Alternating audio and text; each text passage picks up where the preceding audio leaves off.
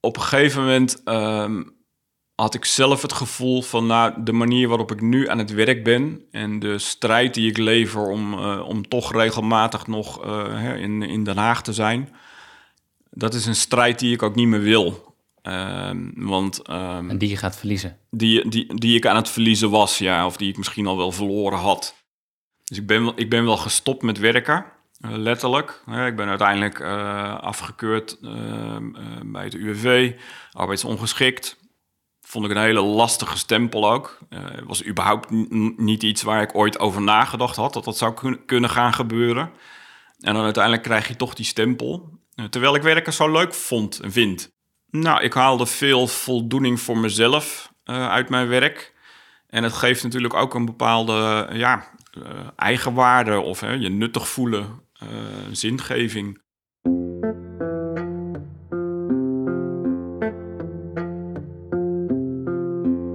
Ongeveer de helft van de Nederlanders heeft een chronische ziekte of aandoening. En een deel daarvan is ook vader of moeder. Hoe is dat? Welke invloed heeft chronisch ziek zijn op het ouderschap en gezinsleven?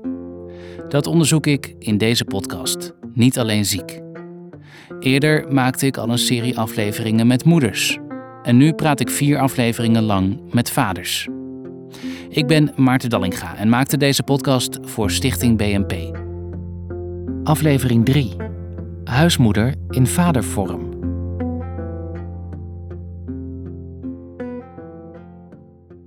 Door hun chronische aandoening doen Dick, Koert en Yves geen betaald werk meer. Wat doet dat met de kijk op hun vaderschap? Koert vertelde al iets over het moment dat hij moest stoppen. Door zijn chronische pijn ging werken simpelweg niet meer. Ik vond het heel moeilijk om het daarbij neer te leggen. Want ik was toch aan het zoeken naar die oplossing. En ik wilde uh, weer terug naar mijn werk, waar ik steeds verder aan het uh, afdrijven was richting de zijlijn. Ehm, terwijl ik, ik werkte ehm, veel met mijn, mijn collega, uh, algemeen directeur. we, we sparden over van alles, we konden het goed met elkaar vinden. Ehm, en we, stippelden ook van alles uit. Uh, ik vond het heel leuk om te doen. Ik wilde graag terug naar het werk. In plaats van je bij dingen neer gaan leggen. Maar goed, in de loop der jaren ehm, werd dat werken steeds lastiger. Ik, ik, werk zittend achter een computer. vele uren achter die laptop. En dat werd steeds moeilijker. Dus op een gegeven moment lag ik op mijn bed met een laptop boven, boven me. Uh, lag ik mailtjes te versturen en te bellen met collega's. Uh, maar uiteindelijk, als je maar jarenlang, uh, als je maar lang genoeg pijn hebt en je gaat steeds meer pijnmedicatie gebruiken, merkte ik ook dat ik ehm, minder fris in mijn hoofd werd. Minder goed kon presteren, maar ook minder scherp was, minder goed kon focussen. Dan naïef. Momenteel ben ik niet werkzaam. Ik heb een, ongeveer een klein jaar in de ziektewet gezeten. Daar hebben ze mij op een zeker moment uh, ontgeven. Yves vertelt dat zijn NAH, niet aangeboren hersenletsel, niet te zien is op scans. Het is alleen mondeling vastgesteld, zegt Yves, door een vooraanstaande neuropsycholoog. Meestal als je een klachtenpakket hebt die wetenschappelijk uh, volledig kan ondersteund worden, dus in dit geval, in mijn geval zal het dus zijn door de scans, dan uh, had ik waarschijnlijk voor een gedeelte, of misschien wel volledig, een vangnet vanuit de overheid in de zin van de WIA of de WAJONG. Maar daar heeft hij nu geen recht op. Hoe kom jij dan rond? En momenteel uh, leef ik nog uh, van een uitkering, WW. Momenteel kan ik gelukkig nog teren op een uh, mooi spaarboekje. Maar die slinkt natuurlijk als sneeuw voor de zon als je in een situatie zit zoals de mijne. Yves zou graag weer werken, maar heeft moeite een baan te vinden die bij zijn situatie past. Daarover straks meer. Eerst naar Dick, hij was audiovisueel technicus. Ik had een tijdelijk contract, dus uiteindelijk is die, uh, is die gestopt en ben ik uh, nou, eigenlijk gewoon volledig thuis komen te zitten. En dat is eigenlijk uh, nog steeds zo. Ben je dan afgekeurd? Nee, in principe nog niet helemaal. Maar op het moment zit werken er ook niet in, zeg maar. ja, omdat het gewoon niet haalbaar is. De ene dag kan iets prima en de volgende dag kan het gewoon totaal niet. Dus daar is geen pijl op te trekken. En hoe regel je het financieel dan? mijn vrouw is meer gaan werken. Die is ook een opleiding gaan doen uh, daarnaast, zodat, nou ja, zodat ze gewoon een beter salaris heeft in de toekomst. Op die manier dat wat op te vangen, zeg maar. Dus dat er ook bij mij geen druk ligt van je moet weer aan het werk. En wat doet het met je identiteit dat je niet meer werkt? Ah, dat vind ik wel lastig. Want ik heb eh, van mijn hobby mijn werk kunnen maken. En ja, dat was dus de hele dag bezig met geluidsinstallaties, met video's, met camera's. En ja, dat was mijn hobby. Dus daar heb ik mijn werk van kunnen maken. Dus dat, ja, dat vond ik geweldig. Ik ging elke dag met plezier heen. Had hele leuke collega's, een vrij jong team. Dus ja, dat voelde soms haast meer als vrienden als collega's. Dus ja, ik deed dat altijd met heel veel plezier. En, ehm, en eigenlijk heb ik dat zelfs nog niet helemaal kunnen afsluiten. Want ik heb ook heel goed contact met mijn eh, dus ex-werkgever. En eh, die heeft ook gezegd, nou, ik heb mijn werklaptop heb ik dus ook gewoon nog thuis. Dus als ik een keer een goed moment heb en er is iets wat ik kan doen, dan ben ik zeg maar welkom. Maar ja, eigenlijk in praktijk, eh, ja, goed een jaar geleden wel. Maar vervolgens liep ik dan weer zo hard mezelf voorbij dat ik eigenlijk verder achterop raakte. Dus ja. Maar wat doet het dan met hoe jij jezelf ziet? Ehm, Dat je niet meer werkt? Ja, daar heb ik het wel even moeilijk mee gehad. Eh, ik was altijd al een bezig mannetje. Dus ik was altijd graag, graag in de weer, graag aan het knooien. ehm. dus we hebben toen wel de logeerkamer... eh, werd in praktijk niet gebruikt als logeerkamer. Dus daar hebben we een ja, hobbykamer van gemaakt. En daar kan ik eh, mij terugtrekken en kan ik gewoon, ja, gewoon lekker gaan knooien. En dan vooral met apparatuur en elektronica en eh, dat soort gekkigheid. Wil dat zeggen dat ik niet meer zou kun- kunnen werken? Jazeker. Maar in een andere hoedanigheid. Dit is weer Yves. Maar dan wel in de juiste context, bij het juiste bedrijf eh, en bij het juiste interessegebied. Ja. En eh, al ben ik momenteel thuis, ben ik bijna wel fulltime bezig constant om nieuwe kansen te creëren. Eh, om die baan te kunnen beoefenen die feitelijk veel beter bij mij past. Ik, eh, ik ben ervan overtuigd eh, dat ik natuurlijk kwantiteiten ontwikkeld heb. Want ik heb inderdaad, eh, als je het zo wilt noemen, eh, tekortkomingen ontwikkeld die ik anders, anders niet had hè, op gebied van professionele vaardigheden. Maar daartegenover heb ik competenties ontwikkeld die veel sterker zijn en die enorm kwalitatief zijn en die van enorm veel meerwaarde zouden kunnen zijn voor een organisatie. En ik wil, eh, een van mijn vereisten, en daar ben ik ook mee bezig, een van mijn strevens, dat is dat ze mensen zoals mij, hè, die heb je in heel veel verschillende kleuren, of dat je nu fibromyalgie hebt, eh, of je bent depressief geweest, of je hebt eh, chronische pijn, of je hebt net zoals mij niet anaborose of posttraumatische stress. Ook wij kunnen van meerwaarde zijn. Ja. Ehm, onze tank is misschien sneller leeg. Misschien, mijn tank, die, is- die, ik sta op 's morgens, die zit maar voor 70 of 65 procent gevuld. Maar in die tank van die 65 procent kan zoveel kennis, extra kennis en meerwaarde vertegenwoordigd zijn, dat die misschien nog meer waard is qua kennis, eh, originaliteit, expertise en inzicht dan iemand, een normaal iemand met een volle tank. Dus wat is je droom of ambitie? Mijn droom, en het is dat dat ik ook uh, permanentelijk benadruk, ik, ik noem mijn situatie van klacht naar kracht. Ik wil dat de focus wordt ehm, gericht op de kwaliteit in plaats van de kwantiteit. Ik Op wil- wat je wel wil- kan en minder op wat je niet meer kan. Precies, eh, op de meerwaarde in plaats van de spagaten en de eventuele tekortkoming. Natuurlijk gaat dat gepaard met ehm, onwetendheid, dikwijls, eh, en met onbegrip. En als jij me nu vraagt wat op dit moment de ideale baan voor mij zal zijn, dan heb ik er verschillende. Maar ik denk dat dat wel de baan van de toekomst misschien wel is. En dat is inclusie en diversiteitsmanager of medewerker. Iedere vorm van ongelijkheid, of dat het rassendiscriminatie is, of gendergelijkheid, eh, of zelfs eh, salarisongelijkheid, dat, dat vind ik fantastisch om mij in te verdiepen. En, de laatste twaalf jaar heb ik mezelf dus aangedragen als Kees.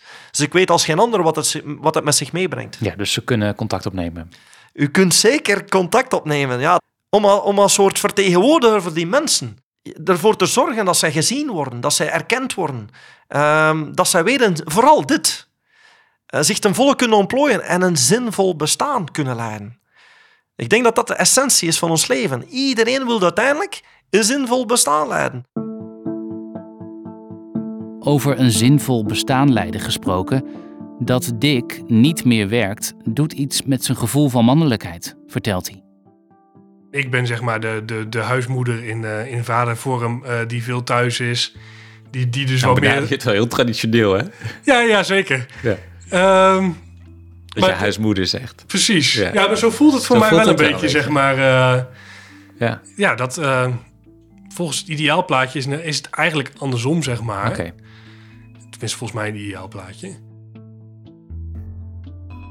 Soms heeft Dick het gevoel dat hij zich moet verdedigen. Dat gevoel heb ik wel eens, ja. Maar dat is ook wel bijvoorbeeld... ehm, nou, in en om huis heb ik het niet zo voor elkaar als dat ik zou willen.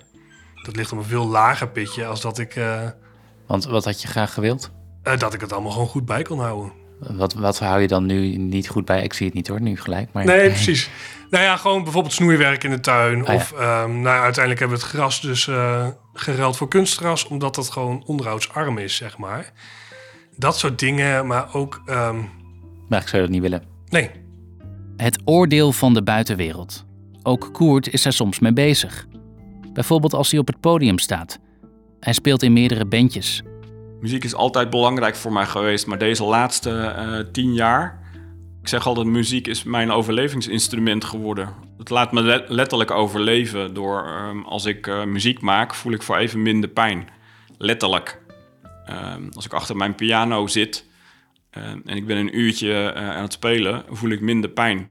Maar ja, ik ben gaan zoeken naar eh, manieren om nog meer met muziek te kunnen doen. Eh, ik ben uiteindelijk ook in een tweede band aan de slag gegaan. En dat is heel raar, want mensen zien mij op een podium staan, het naar mijn zin hebben. Ze zien alleen niet dat ik, ehm, als ik thuis ben, van een repetitie of van een optreden, ehm, dat ik vervolgens een dag ehm, bijna niks doe. Eh, letterlijk je tol moet betalen. Ze zien niet dat als, ik, ehm, als we klaar zijn met een set eh, tijdens een optreden, dat ik eh, een half uur op de vloer ga liggen, backstage, om mijn rug even te ontlasten. Maar dat heb je er kennelijk voor over. Ja, want uiteindelijk geeft het me voldoening en geeft het me ook een bepaalde energie. Wat is dan per saldo ehm, het effect op hoe jij in het gezin bent? Ik denk dat muziek mij enorm helpt om eh, eh, positief te blijven en, eh, en eh, te overleven, letterlijk. Maar soms lig je ook eraf door die muziek. Ja, ja. En die balans, dat is een, dat is een lastige balans. Ja. Dat is een balans die je continu moet blijven zoeken. Maar dat is wel, dat is wel iets wat mij in balans houdt. Ik heb er zelfs eh, een nieuwe zingeving door gevonden. Stichting Muziekids kwam op mijn pad. Eh, muziek maken met zieke kinderen en jongeren in ziekenhuizen. En ook Dick vindt inmiddels voldoening in vrijwilligerswerk voor de sarcoïdosevereniging. Vooral daar heeft hij nu sociale contacten. nou, mijn contacten zijn wel ehm, nou, best wel beperkt. Mijn vrienden eh, spreek ik weinig. Dus het is echt, ehm, nou ja, echt een, een klein clubje wat ik nog structureel echt spreek. Hoe erg het ook eigenlijk niet moet. Maar de eerste dingen die je skipt is toch ook je, je sociale leven. Je gezinsleven, dat moet zeg maar. Dus daar stop ik zoveel mogelijk energie in. Nee, je moet harde keuzes maken. Ja, Los daarvan, mensen begrijpen ook lang niet altijd hoe het is om chronisch ziek te zijn. Het is gewoon een hele grillige ziekte. Dus je, eh, ja, ik, kan, ik weet zelf al niet eens precies wat ik kan verwachten per dag. Nee. In grote lijnen wel. En dat maakt het natuurlijk voor mensen om me heen nog lastiger. Wel, zegt Dick, staan mensen voor hem en zijn gezin klaar. Zoals mijn jongste dochter, die is nu eh, naar de oppas. En dat is dus eigenlijk ook puur om en mij te ontlasten. Maar ook, eh, daar komt ook nog een vriendinnetje van haarzelfde leeftijd. eh, dus die, ja, die zijn daar gewoon heerlijk... nou, die is gewoon heerlijk er nu even uit, zeg maar.